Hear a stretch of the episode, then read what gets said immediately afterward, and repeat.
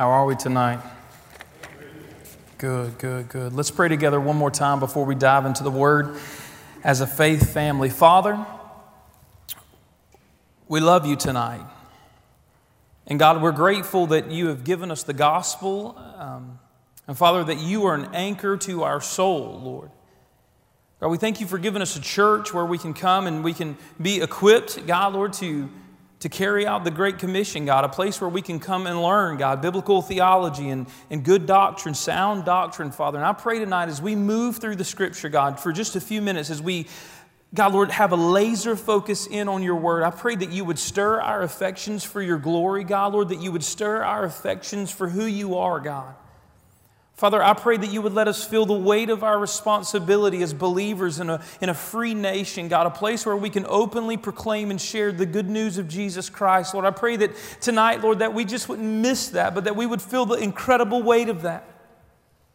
And Lord, you've called us to be a church that's built on love, God, Lord, to love you and to, to worship you, God to obey you and to venture, God, Lord, and to equip, Father. And I pray that you would remind us tonight as we wrap up our series we've been walking through for a month. Lord, I pray that you would just remind us tonight how joyful and beautiful and glorious it is that you've gifted us this responsibility. And Lord, I pray that you would open our eyes to see and our ears to hear and our hearts to receive all that you have for us. Don't let us miss a thing tonight. In the mighty name of Jesus and God's people said, Amen. Amen and amen. Let me move this. If you have your Bibles, go with me to Ephesians chapter 4. While you're turning to Ephesians chapter 4, I'll remind you the first week we talked about what it meant to love God and glorify Him through worship. And we think about the Bible verse that says that we submit our bodies as a living sacrifice, holy and acceptable unto God. This is our, scripture says, spiritual act of worship. And then we moved into a, a week of contemplating what it means to obey God through prayer and Bible study and discipleship.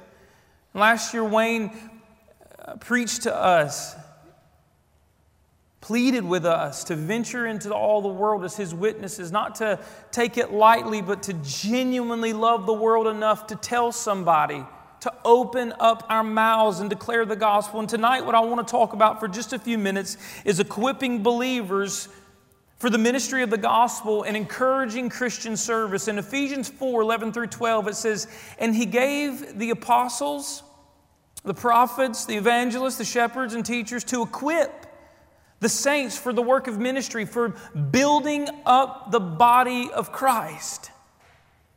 Number one, if you're taking notes tonight, I want you to jot this down. Our aim as a church if you're taking notes, just jot this down. Our aim as a church is to equip.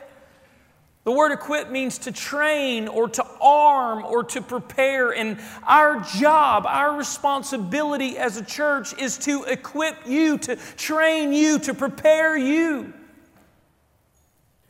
I'm going to read you, and tonight it's scripture heavy, so hang with me. But Ephesians 6 10 through 18, I don't want there to be any mistakes, and I want you to hear this Ephesians 6 10 through 18 says, Finally, be strong in the Lord and the strength of his might. Put on the whole armor of God that you may be able to stand against the schemes of the devil.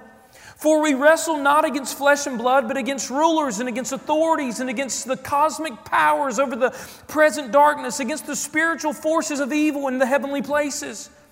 Therefore, take up the whole armor of God that you may be able to withstand the evil day, and having done all to stand, stand firm. Stand therefore, having fastened on the belt of truth. Hear me when I say this. It is our job to deliver to you the truth. As a church, you would never be able to fasten the belt of truth unless we deliver it faithfully. Having put on the breastplate of righteousness, that's us keeping Christ center stage, keeping the gospel of Jesus Christ as the centerpiece of our focus. Equipping you, teaching you that it's never going to be your righteousness that makes you acceptable before God. It's never going to be your good works. It's never going to be your church attendance. It's never going to be your amount of service or how much money you give. It's always, always, always going to be the goodness of Christ. That's the only reason we're accepted before God. And we fasten that on our chest around our heart to protect us. And as shoes for your feet, having put on the readiness of the gospel of peace.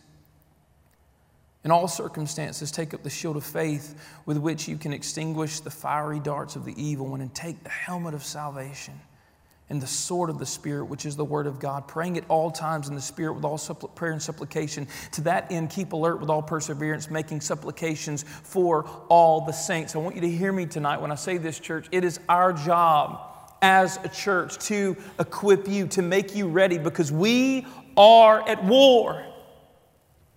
Make no mistake about it. It would be, it's easy for us to get into the routine of life. It's easy for us to go from Sunday to Sunday to Sunday or from Sunday to Wednesday to Sunday. Living life as usual. But the reality is, is you and I are in what Scripture calls a cosmic battle.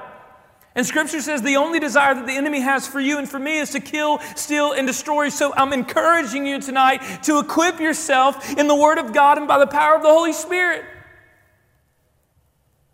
Do you have the belt of truth locked around you? Are you knee deep in the Word of God? Are you immersed in the Word of God? Do you know the truths of the Scriptures? Our job as a church is to train you, to arm you, to prepare you. Do you have the tools? Do you have sound doctrine? Do you have a correct biblical worldview?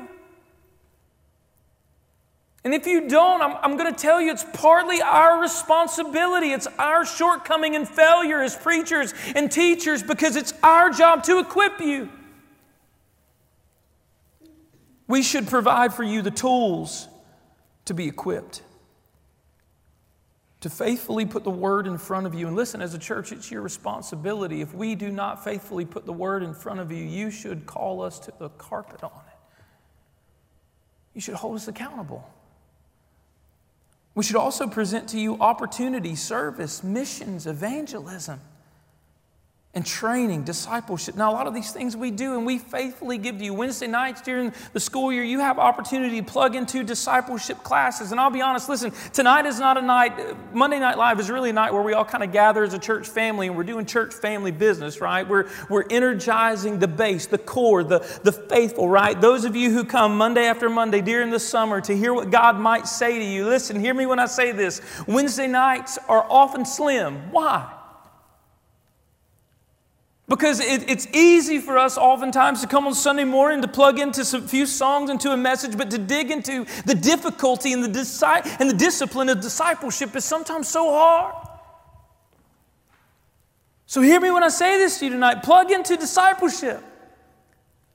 If you're not a part of a discipleship class, if you're not a, a part of a group of people, small group who's holding you accountable, plug in somewhere. Because if we are, in fact, presenting you with good doctrine and a correct biblical worldview, if we are, in fact, giving you opportunities to serve and to go on missions and to evangelize, and we are, in fact, offering classes for discipleship and wanting you to grow, then it is no longer on us, but it is that you have grown comfortable sitting where you are. So, our aim as a church is to equip, but it's also our, our aim to be bold in our expectations. And as a church, oftentimes we've come to expect the status quo. We've come to expect low participation in discipleship. I just said it. We've come to expect low things at times. We treat our church oftentimes like we, we treat the government, we treat the political system. We look and we say, well, I guess it's going to be bad, or I guess it's going to be the same as it's always been, so why give it 100%? But we are endeavoring, I want you to hear me say this because this, our staff, our church, we are endeavoring to constantly move our church from a sit and get mentality to a go and give mentality. You hear me tonight? It, it, I can get into the rhythm. I, am not throwing this condemnation on anyone. I'm, i can get into the rhythm of, okay, I'm going to come and I'm going to listen to good music and I'm going to come and I'm going to sit and I'm going to get. I come to church so I get filled up, right? No. No. The purpose of the church is to go and to give. The purpose of the church is to be the hands and the feet, the body of Christ. And aren't you glad that on the, on the day that, the, that Christ was called to go to Calvary, he didn't decide, you know what, I think I'm just going to sit and get today. Since I am the Son of God, I'm just going to sit down and, and get what I deserve. All the kingdoms come and worship me. Aren't you glad that he didn't do that? Aren't you glad when Christ had all the power and all the authority to sit and get all the praise due his name, he was willing to go and to give his life on Calvary? Aren't you glad? See, we're either going to live up to Scripture where it says, We therefore are now his ambassadors. Ambassador is a personal representation. That means that you and I, if we have made Christ our Savior, if Christ has made Himself our Savior, see, if He's made us His own, that means that you and I have a responsibility we're not allowed to sit and get. And, and, and, don't get me wrong, wrong, Christ will fill you with grace over and over and over. He will pour blessing on your life, but it is not our call to sit and get. Jesus never said, Sit and get so that the nations might be glad and know my name. He said, Go therefore and make disciples of all nations, baptizing them in the name of the Father, Son, and the Holy Spirit. That's what Wayne preached about last week, right? Acts chapter 1, verse 8. What did he say? As the Holy Spirit's going to come upon you, and you'll be my witnesses in Jerusalem, Judea, and Samaria, and the uttermost parts of the world. Like you have a responsibility, I have a responsibility. We have to be equipped. And we are endeavoring to constantly move our church from a sit and get mentality to a go and give reality. If you're taking notes, point number two our aim as an individual in the body of Christ and in partnership with the church See, our aim as a church is to equip and to be bold in our expectations.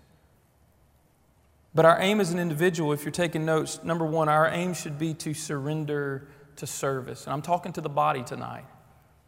I'm talking to those of you who have committed your life to Christ. You are believers.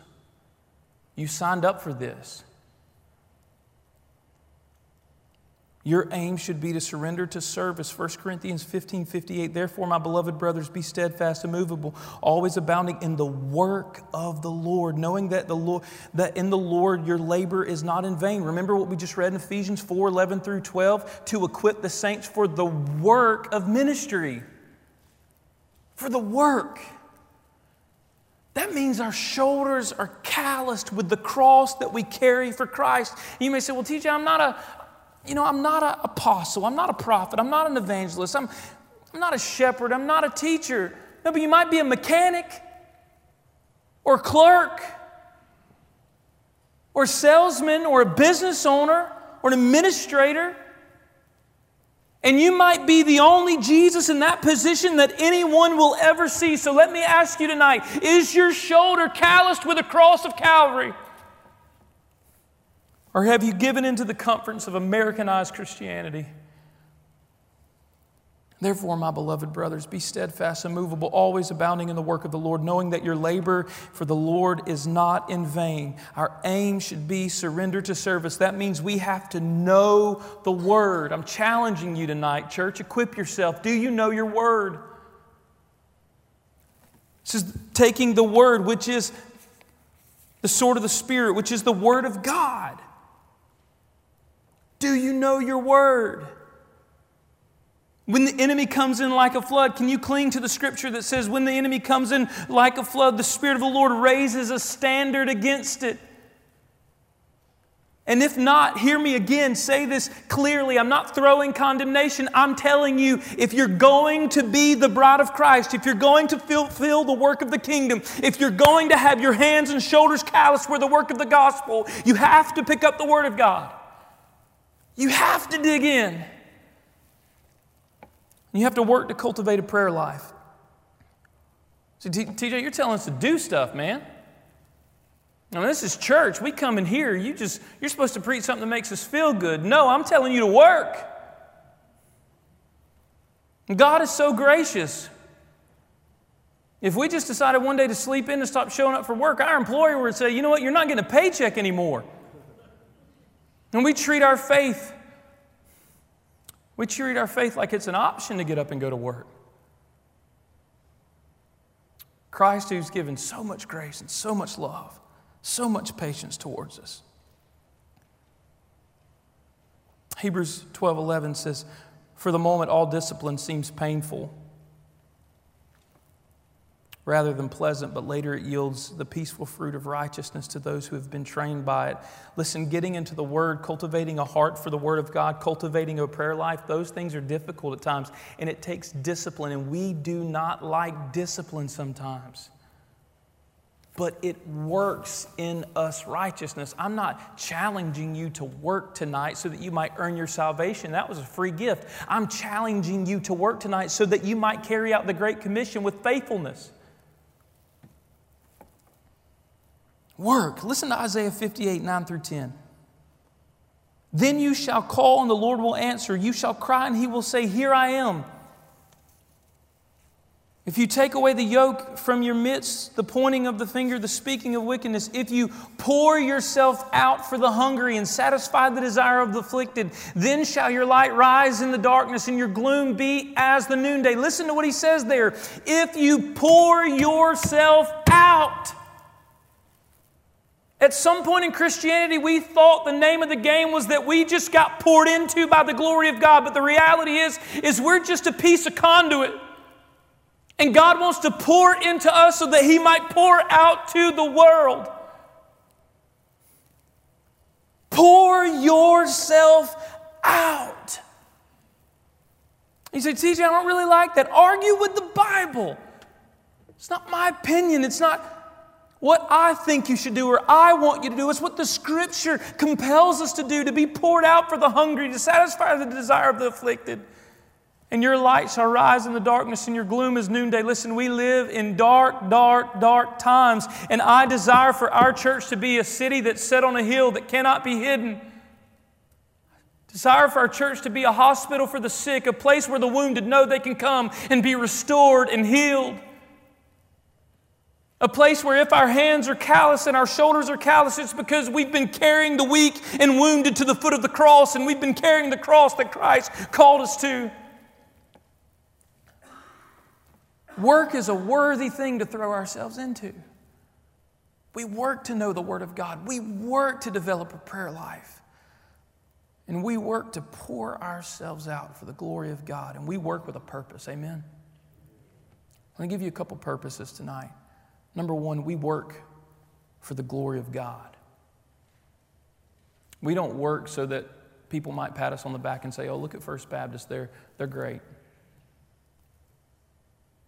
We don't work tonight so that people drive past our church and say, oh, look, look at, Look at First Baptist. They're, they're doing something. They're making moves. They're happening. We don't work for that. We work for the glory of God. Colossians 3:17. And whatever you do in word or deed, do everything in the name of the Lord Jesus, giving thanks to God the Father through him. We do everything for the glory of God. Everything.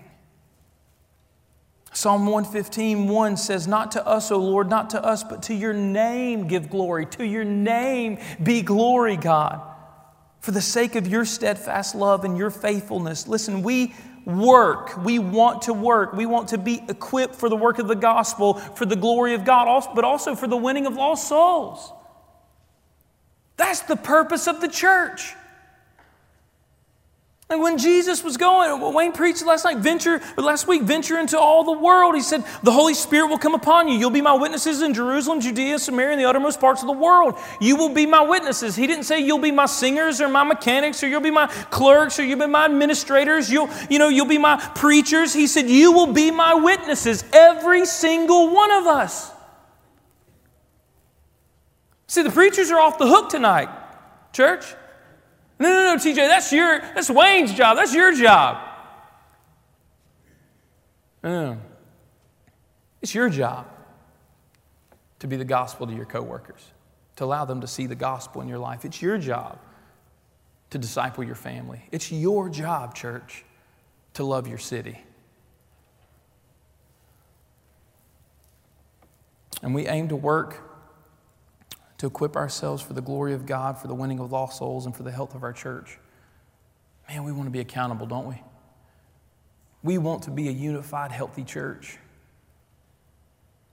And we don't want to be a church that's, that's sick, that has gorged ourselves on the blessings of God to such a point that we've made ourselves sick. We want to be a church that is constantly giving to our city, to our community, and to the world around us.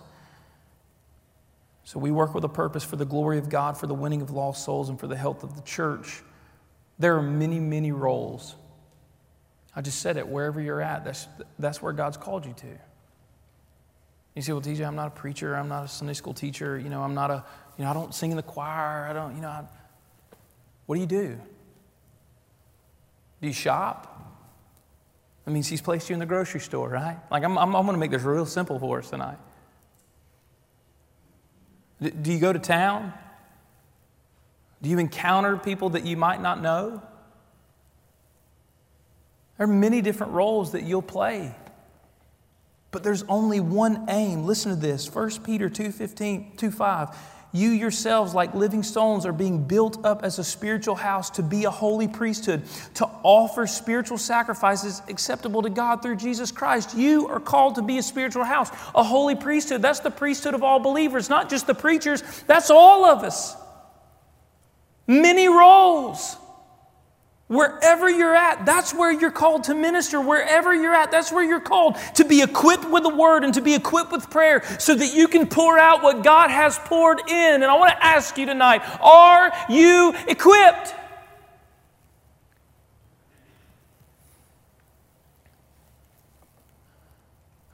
Are you working? Are your hands calloused? Are you just coasting through life? Hoping the preacher says it enough so your friends and family hear it.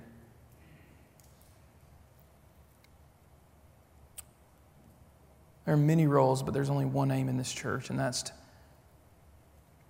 to bring the lost to Jesus Christ. We want to be equipped and we want to be ready.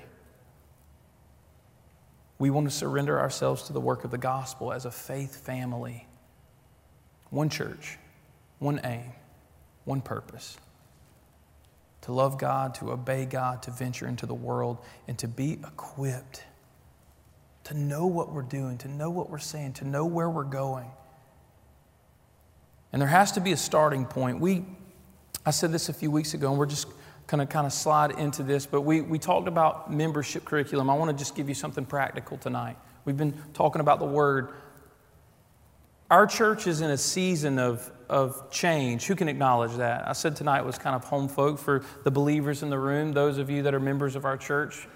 Uh, can anybody acknowledge that we've been in a season of change for some time now? It's been very different around here, right? Have multiple services in multiple places and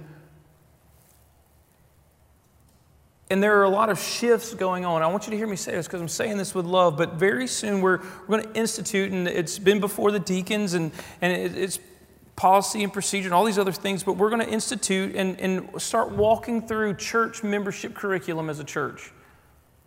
Because what we've acknowledged and what we've seen is that at times our church, and I want to confess this to you and ask you on some level from our staff and from our church as a whole for forgiveness, because sometimes we aren't good at equipping.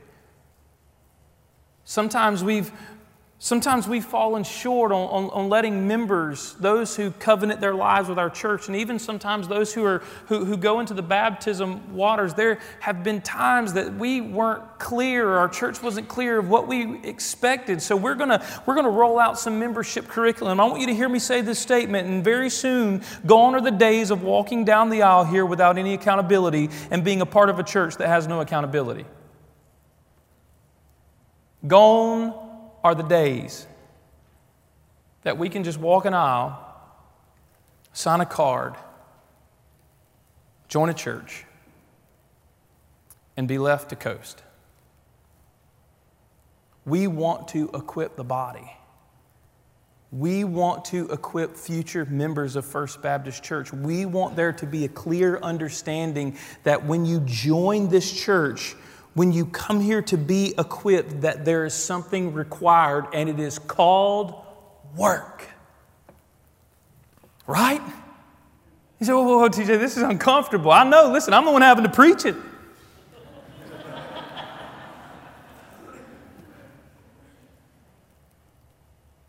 I, I want to be a church in this city where people know, you know what?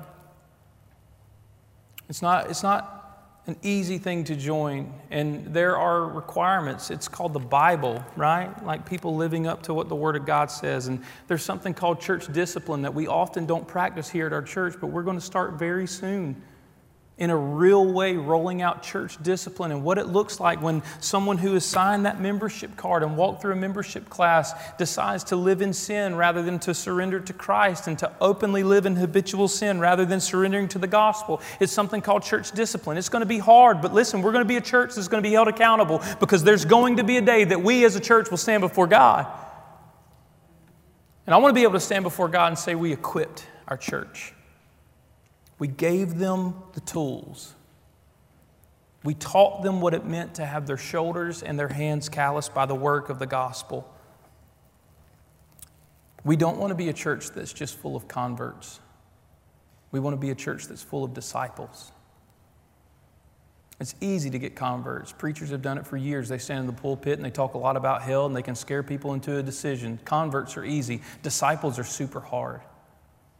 Disciples mean that we commit our life to you and we watch you walk out your faith with Jesus Christ. Membership and the membership curriculum that we're going to begin to roll out very soon, it keeps the church and its members accountable to the word and church discipline. That's what we want to do. We, we want to put something in your hands, and you're going to see it. It might even roll on the screen, just a sample of what that's going to look like. And if it's not there, that's fine. But yeah, it's going to be called Starting Point. It's going to be a class that we offer. And every new member that walks through the doors of our church, every person that wants to become a member of First Baptist Church, they're going to be equipped. You can flip to the next slide if you want to. It tells what we believe. It unpacks L O V E. It unpacks what it means for our church to love. It unpacks what our church means by obey. It unpacks what our church means by venturing into all the world. And it unpacks, it hopefully will equip someone to really, really know what they're becoming a part of. And then at the very end, it's something really, really cool. It's called a covenant. And we're going to ask all of you who've been here for 50, 40, 100 years, whatever the deal is, or those who've been here for three weeks, we're going to ask to sign a covenant. And the covenant is a standard to live by the Bible, and that when you don't live by the Bible, you can be held accountable. You can be called to the carpet. But listen, all of your pastors and your ministers, they're going to sign the covenant too. And if we step out of line, we're going to be called to the carpet as well. There has to be accountability. We have to restore the integrity of God's house. And that's what we're working towards. We are committed to work towards a more healthy, unified, and effective church body.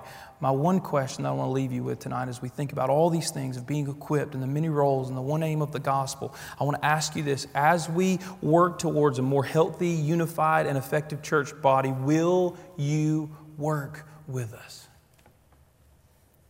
See, this is supposed to be a partnership thing, it's supposed to be a body. It's not supposed to be a, a, couple guys telling the church which direction to go, a couple guys telling you what to do. It's supposed to be a partnership where we lock arms and we show our community in a lost and dying world that Jesus is the best thing ever. So I'm asking you will you commit to work with us, to unify, to become accountable, full of integrity, and healthy, to be a church that is a city set on a hill? Not just a church that has great architecture and pretty glass. Let's pray. Father, there is much work to be done. And God, I know not only in our nation, but in our world, there are difficult days ahead.